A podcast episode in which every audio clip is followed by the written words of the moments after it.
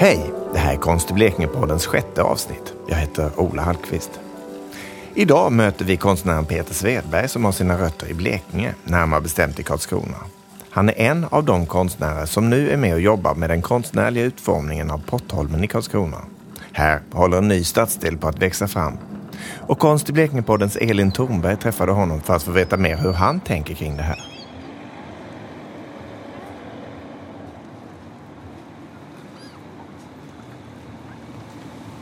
Här på Pottholmen i Karlskrona ska en helt ny stadsdel mejslas fram bara de närmaste åren. Och eh, konsten, den är inte bortglömd. Just nu jobbar tre konstnärer och konstnärsgrupper med att skapa den konst som ska pryda och eh, kanske även definiera stadsdelen i framtiden. Vad det ska bli och vem som ska få göra det, det får vi inte veta förrän i oktober. Men en av konstnärerna kommer faktiskt från Karlskrona. Det är Peter Svedberg.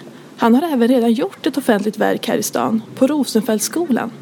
Numera så bor han dock i Stockholm där han just nu är aktuell som en av konstnärerna som gjort konsten till den nya Citybanan. Mer om det ska vi prata om en liten stund. Men först. Jag tänkte fråga Peter, hur är det egentligen att göra konst för sin hemstad? Och hur går processen till? Vilka tankar går genom huvudet när man ska skapa någonting som ska definiera och fungera med en hel stadsdel och ska fungera för alla på något sätt? Det och en del till ska jag prata med Peter Svedberg om idag. Så ni kan väl hänga med.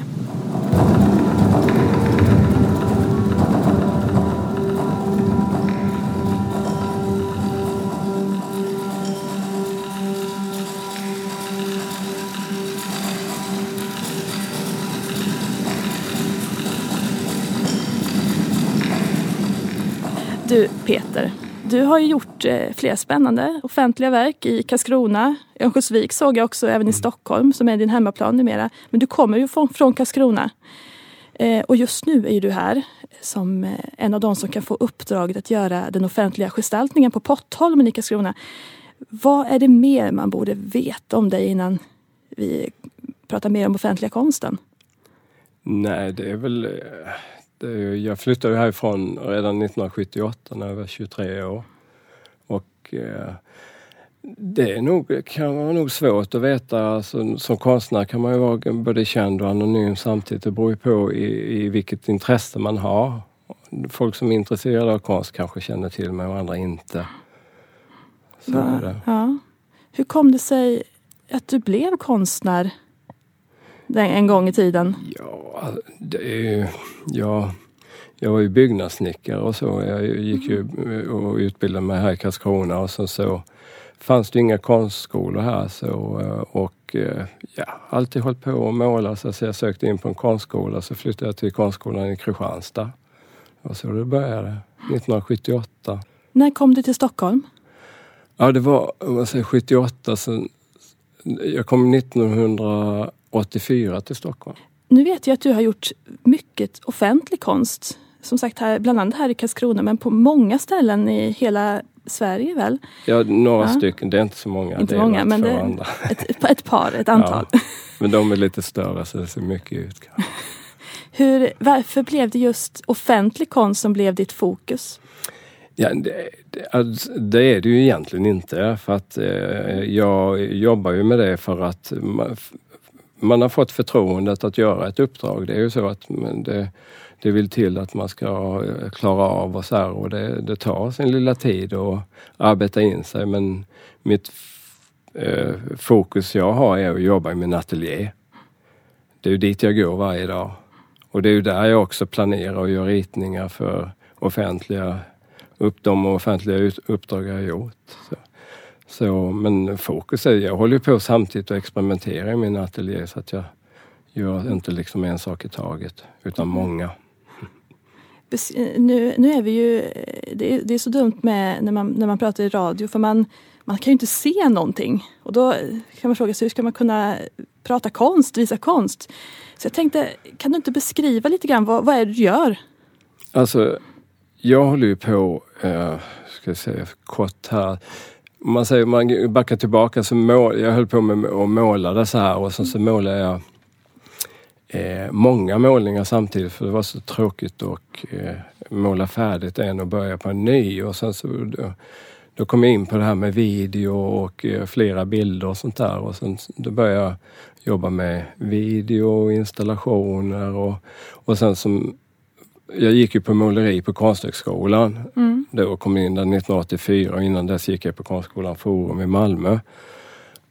Och då uh, blev det mer och mer uh, många bilder och då kom video in som en naturlig del. Och sen så har jag byggt, eftersom jag är byggnadssnickare från början så kom det in det här med konstruktion och så här. Så att någonstans så finns jag i någonting som är, saker som jag har runt mig som eh, jag försöker känna av vad det är frågan om och sen så tingen berättar för mig hur jag ska jobba och det, det är ju då, eh, ja det blir skulptur och eh, objekt och sånt. Det är svårt att beskriva hur det är, ja. man får ju titta på eh, hur det ser ut men det har varit mycket speglar och konstruktion och, och då att bilderna mer har varit som måleriet innan, sådär organiska och det kan hända en massa saker i själva bildmaterialet medan materialet jag jobbar med är ju eh, konkreta, raka linjer. Jag tänkte att just Karlskronaborna, de borde ju känna till Eh, ditt verk på Rosenfeldtskolan. När var det? 2009? Eh, jag tror att det är någonting sånt. Ja, ja. Den heter det... Time 2009 mm, så det, det, borde vara, det borde vara då. Det var på tiden, ja. den är ju den är ju satt i den här över, vad ska jag säga, övergången. I förbindelse, ja. den glasgången mellan, på skolan där. Ja. Så den har nog ganska många, många sätt mm. kan jag tänka mig. Mm. Hur kom det sig att, eller hur, hur var det att få ett sånt projekt att göra det första offentliga verket i din hemstad mm. för dig? Ja, det är en rätt så rolig historia för att det är ju så att, att den heter ju Time betyder ju att sin, alltså tid. Det är ju sinnebilden för skolan på något sätt, i alla fall i mitt huvud. Det är ett hus med en klocka mitt på. Det är ju så man brukar illustrera skolor på något sätt. Och det är ju den ja. tiden man går i skolan och så. Och sen så eh, blev jag väldigt, alltså jag blev inbjuden att göra det uppdraget av Torun Ekstrand. Och eh, jag blev jätteförvånad, eller överraskad eftersom vad hon inte visste är ju att jag har gått på den skolan. Jag har Oj, varit elev ja. där och, eh, och då var det så självklart för mig att om, om jag, då var det ju rätt tiden är ju mycket, både i det lilla och det stora. Alltså när man går i skolan så är tiden då väntar man när nästa rast ska vara, eller lunchrasten eller någonting sånt där. Och sen tiden är också de åren man går i skolan, de nio åren, för det var ju grundskolan då. Jag gick sjuan, åttan, nian där på Rosenfeldtskolan. Och sen så kom det in det här med träd eftersom de här träden utanför skolan stod ju där även när jag gick i skolan. Och då ville jag koppla tiden på ett vidare begrepp så här, och då eh, tog jag bilder på min, mina bröder och mina, min mamma och min pappa där. Och min lillebror var svensk mästare i isdans och han åkte konståkning. Så alla de finns med där i bild. Men så fick jag också reda på, lyckats eh, hitta min, min klassföreståndare som jag hade på den tiden. Så jag fick gå och titta i hans fotoalbum och då hittade jag tydligt nog en bild där han sitter och läser en bok. Så det är min klassföreståndare Ivo Sotalo som jag hade och som är med där. Och dessutom så är det då mina kusinbarn som vid det tillfället gick på skolan just då, så de är också med i bild. Så där har jag knutit bild. Den bilden handlar om Rosenfeldtskolan, alltså barnen från nutid och ända tillbaks när jag. Min storebror är också med där på bilden. Så att det är hela den långa tiden och under hela den långa tiden har ju träden i parken stått kvar så de har ju då blivit en bakgrund i den bilden. Mm. Så att den knyter samman, eh, det var ett sätt att knyta samman eh, tiden då. Dessutom så är det då om man går in i, i gången inuti, man får ju gå upp där och kan gå in och titta. Där är det ju som packat glas, att man tittar genom glaset och då ger det en rörlig känsla. Så det är det det handlar om och jag blev jätteglad att jag fick göra den. Och det var självklart för mig att göra precis på det sättet. Det, kom, det tog nog inte lång tid innan jag räknade ut vad jag skulle göra där. Du gjorde inte det? Nej. Nej. Men gud vilken häftig historia. För Mm. det, hon hade inte en aning om det. nej, Alltså att du, nej, det är ingen som visste. Då blev det ett väldigt personligt eh, verk för dig. Ja, det alltså jag har, det är precis så jag jobbar med. En bit är personligt som jag knyter an.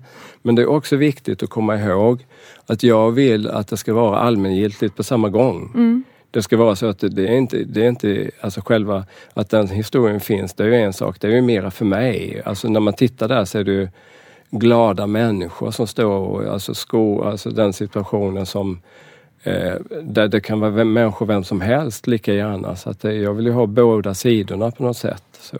Ja, att det inte bara ska vara du, eh, som, som, och du och din familj som känner igen det utan även de som går på skolan nu Mm, och de som har mm. gått på skolan tidigare. Och det är väl lite det som den offentliga konsten står för, eller ska kanske stå för. Det här att man ska kunna relatera till det på något sätt oavsett vem man är. Exakt, det är ju så många gånger vet jag att man pratar om till exempel eh, att man vill att det ska vara som ett, ett, en identitet för platsen, precis som Karl XI här i, i stan, här mitt på torget. Att den är, man kan identifiera och förhålla sig till eh, en plats, det vill säga att man vill veta vilken riktning man ska gå. Man kan ju träffas där eller man kan eh, bestämma, hitta, alltså orienteringsmärke är en sak. Det andra är ju att, att eh, det, det ska gestalta platsen och eh, en innebörd som man då hoppas på som konstnär men som man kanske inte alltid eh, det, man vill ju nå en nivå där och en acceptans också från folk att, de ska, att, det, ska, att det ska falla bra och hänga ihop. Och så här. Vad fick du för, eh, vad, vad sa folk där det, väl var uppe där? Det, I Rosenfeldtskolan? Ja. de tyckte om det så, eleverna och så. Jag har bara hört bra om det där. Jag har jag har inte hört något. Det är ingen som har klagat på det i alla fall. Eh, det för mig ju osökt eh, tankarna till eh, Citybanan som du också har gjort ett, Mm, ett mm. offentligt verk på. Mm. Hur, hur kom det, du sa att, säg att de hör ihop lite grann.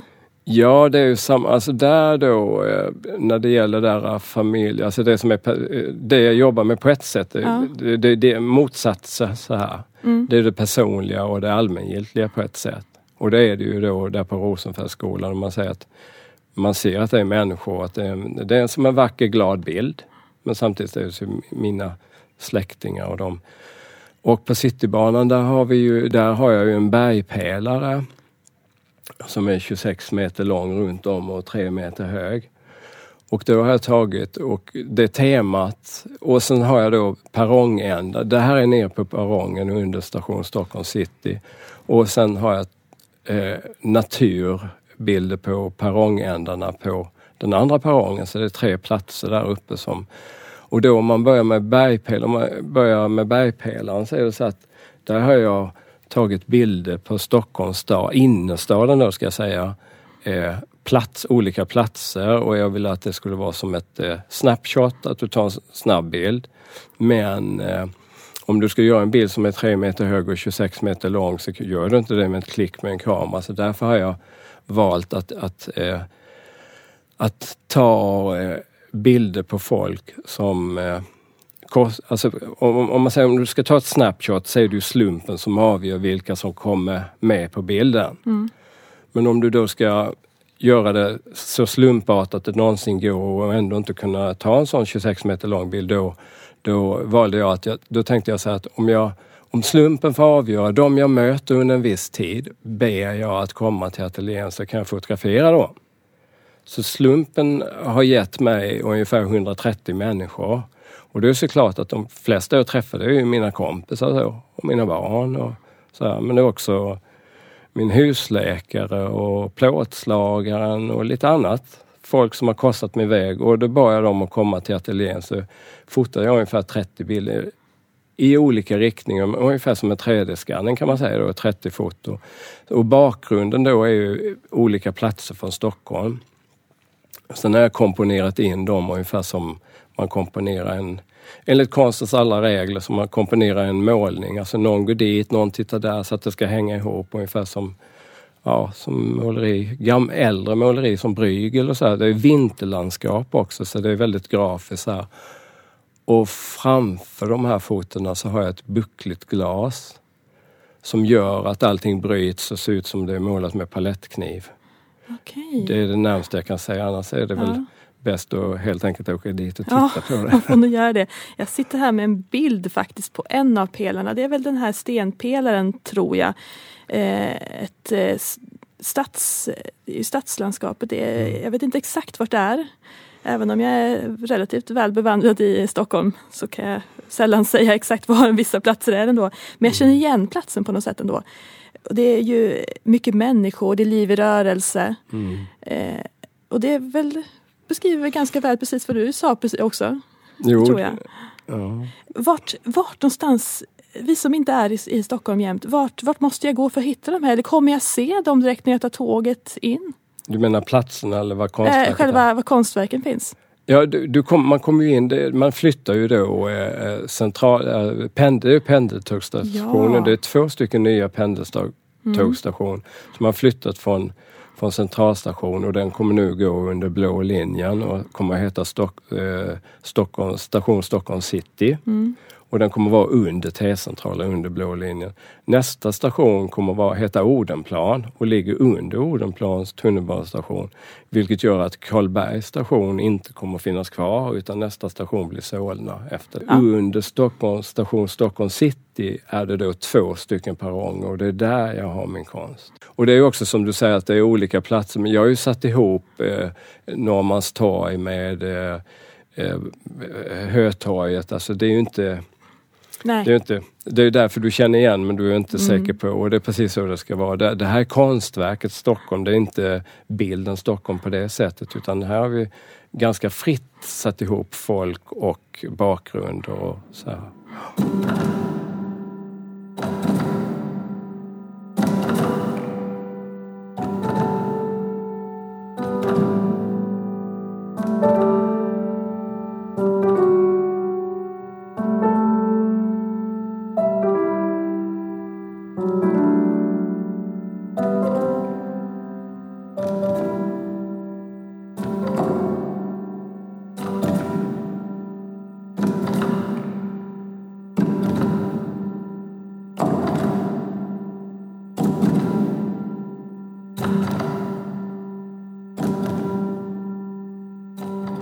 Hur, eh, hur fick du det här? Eh, alltså hur gick processen till när man eh, i, Stockholm söker ett offentligt uppdrag? Konstuppdrag? Ja, det är ju som, som det här uppdraget i Karlskrona med och så här, det, det är ju samma, samma process. Det, det, det är ju ofta här större, är det det man kallar för intresseanmälan. Och då har man vissa kriterier då, att man ska ha gått en konsthögskola och, eller liknande. Och eh, eh, ofta är det också att man kräver att man har gjort, är det större så- kräver de mer eller mindre att man har gjort stora uppdrag innan. Så det, i det här fallet så var det väl en, eh, ja, strax över 200 som sökte det här uppdraget. De uppdragen, det var 12, det är 12 stycken, jag ska säga det är 12 stycken olika, jag tror det är runt 12 i alla fall, olika platser med olika konstnärer på både Station Stockholm city och Odenplan. Så det är flera konstnärer där och då var det 12 konstnärer som blev utvalda av de 200. Eller det var mer än det för vi fick ju tävla sen internt så att säga. Jaha, Så okej. det kanske var en 50 konstnärer som, som, som tävlade då och gjorde... eh, För intresseanmälan då har man det som är sina, det saker man har gjort innan men sen så ska man då komma in med ett förslag vad man vill göra. Och då blir det som ett skisstävling då. Och då har man de som man tävlar emot, kanske två eller tre andra konstnärer. Så väljer de en utav de tre. Så brukar det vara. Och lite så är det väl även i det här Ja. Pottholmsprojektet då Mm. som eh, Vi är tre. även är. Ja, då är ni tre stycken, ja precis. Och eh, vi måste ju nämna Pottholmen lite grann känner jag. Mm. Sen vet, jag vet ju att eh, det, det är ju ingenting som vi kan beskriva exakt hur det kommer se ut, det som du gör. För det här är, vi är mitt uppe i en tävling, du är mitt uppe i en tävling. Eh, där det precis har varit ett, en presentation i alla fall. Så mycket vet jag. Och eh, i oktober kommer beslutet att tas vem av er tre konstnärer och konstnärsgrupper som kommer få det här uppdraget. Men Pottholmen, det är ju alltså ett, ett nytt eh, eh, vad ska jag säga, bostadsområde i Karlskrona. Hur, eh, hur såg det ut när du bodde här? Ja, det är det. Jag minns ju mycket. Det var ju Strandgården där. Det var ju eh, Alltså det var ju röda tegelhus där. Det, när jag var lite äldre så var det ungdomsgårdar där och innan så var det ju socialbyrån och det var fattighus tror jag det var. Mm. Sen rev, rev de något så blev det en brandstation där. Och, där, och i närheten, där, alldeles i närheten, nu är jag lite vagt minne, det var också en, en man sågade all ved för man eldade. Jag bodde ju i, precis i Kalvhagen där vid Fribergska huset bodde jag i när jag var liten bebis och sånt. Och då eldade vi i kakelugnar och så här. Och då, det var en bredgård där som de stod och sågade ved så då hörde man vedsågen. Jag kan framkalla det ljudet än idag. Eh, hur den sågade ved där hela tiden. Så jag har många minnen av den platsen. Och nu blir det som sagt var bostäder, moderna nya bostäder. Som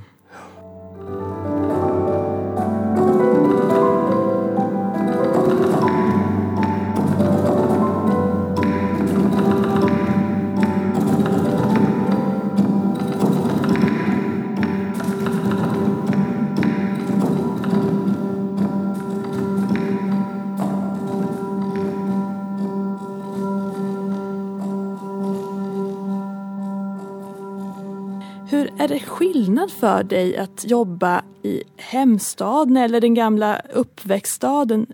Hur känns det? Liksom? Hur, kan du beskriva det? Ja, jag, det kan jag göra. Jag, jag tycker då inte att det är någon skillnad. Eftersom jag är konstnär så försöker jag jobba utifrån alltså min eh, egen ryggsäck. Jag har ju en mm. ryggsäck med erfarenhet och det jag jobbar med. Mitt material, det släpar jag med mig överallt.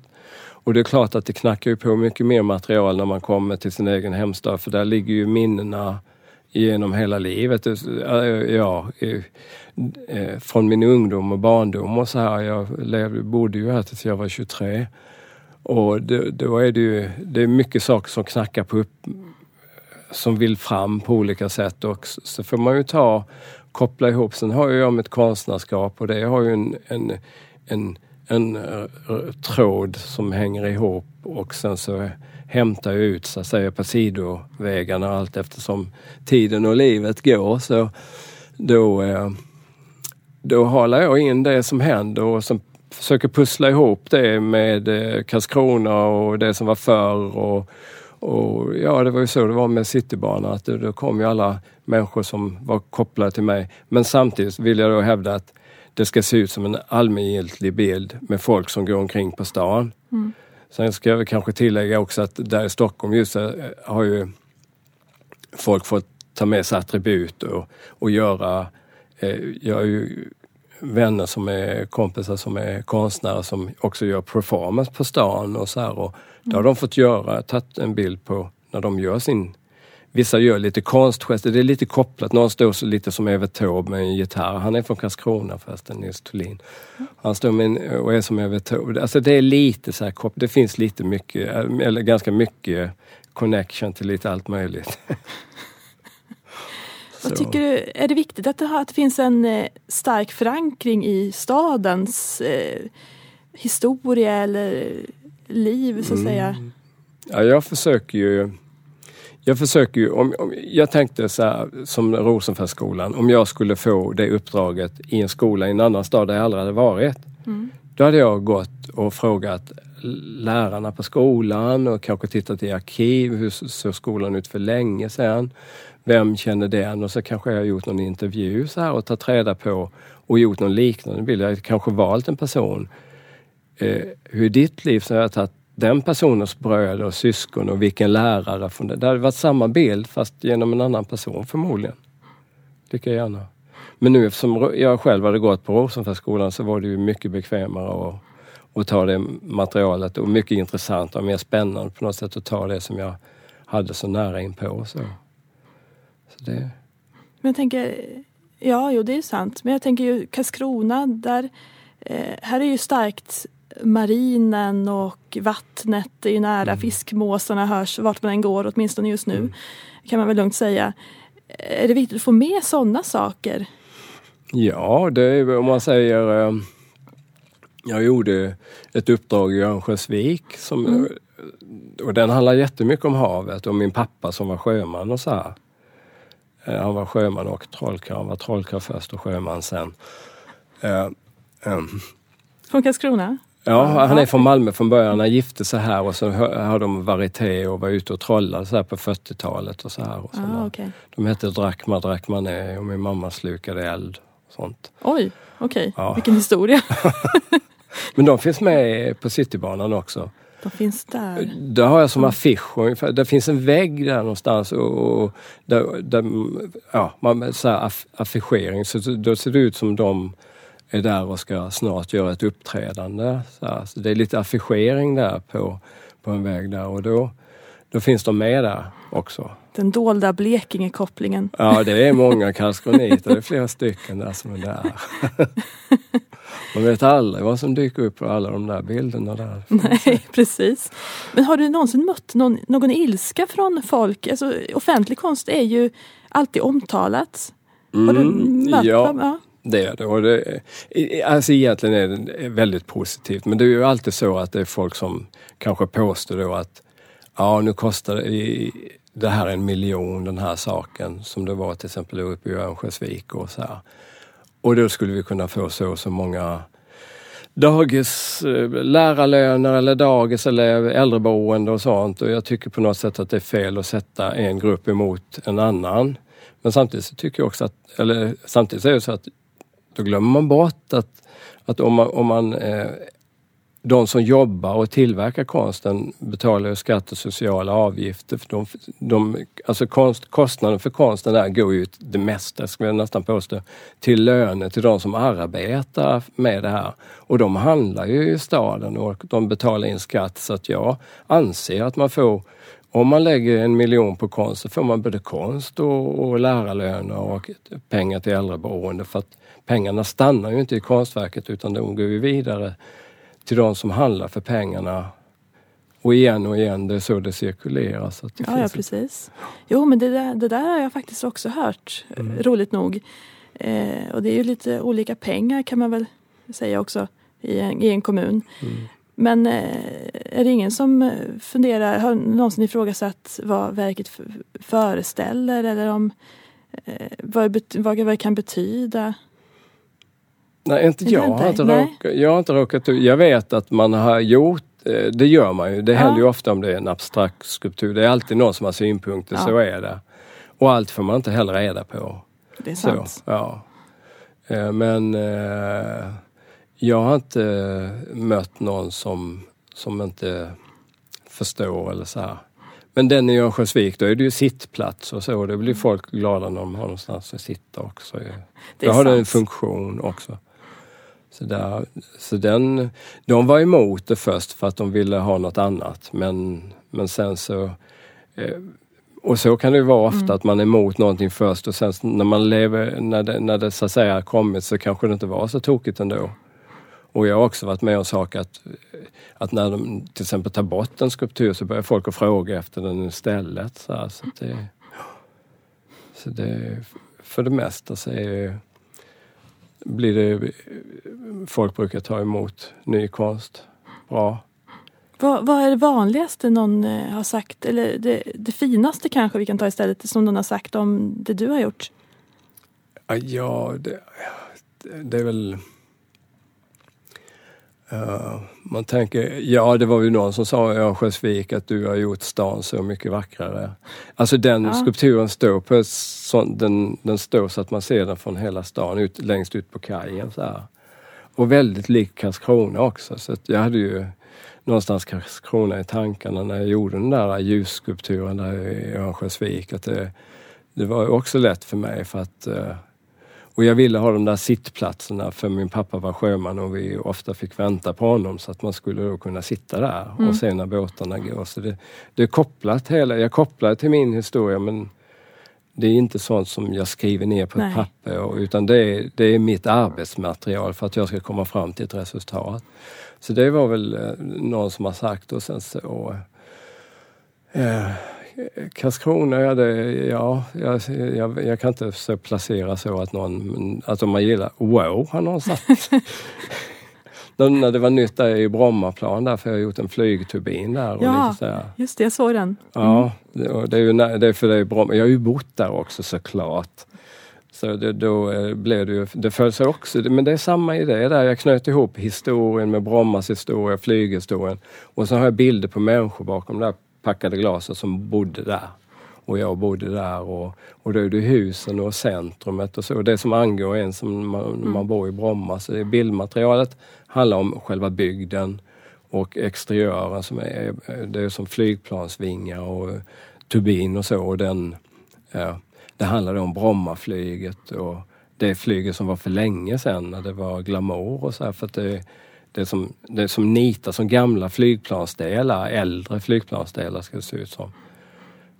Så att det, det var det det handlade om. Det är en slags romantisering där som jag gjorde. Jag tänker att du, jag märker att du ofta återkommer här till Karlskrona och hur det, eh, den historien På, på något sätt.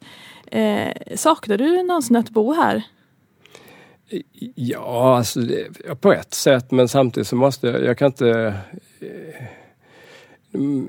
Alltså tiden, eh, det är så mycket, jag har så mycket så att jag vill ju komma framåt hela tiden och sånt. Och, och det är alltid fantastiskt att komma tillbaks till stan och så. Så, så det gillar jag ju och uh, uh, Sen, jag hinner inte tänka så mycket. Jag bara tycker om att vara här när jag är här. Och nu har du, några, du har bara några få dagar här, Mm, vet jag ju. Mm. Nej, jag tycker jättemycket om att vara här. Det blir en speciell känsla, eller hur? Mm. Ja, jag tror att vi har pratat klart här faktiskt. Jag känner mig jättenöjd. Det var jättetrevligt att prata med dig om det här om konsten i Karlskrona och om offentlig konst i allmänhet och Citybanan. Det, det är ju ett, verkligen ett tips till alla som lyssnar här att åka ut och leta Karlskro, karlskroniter kanske. Tack så jättemycket Peter. Mm. Tack så mycket.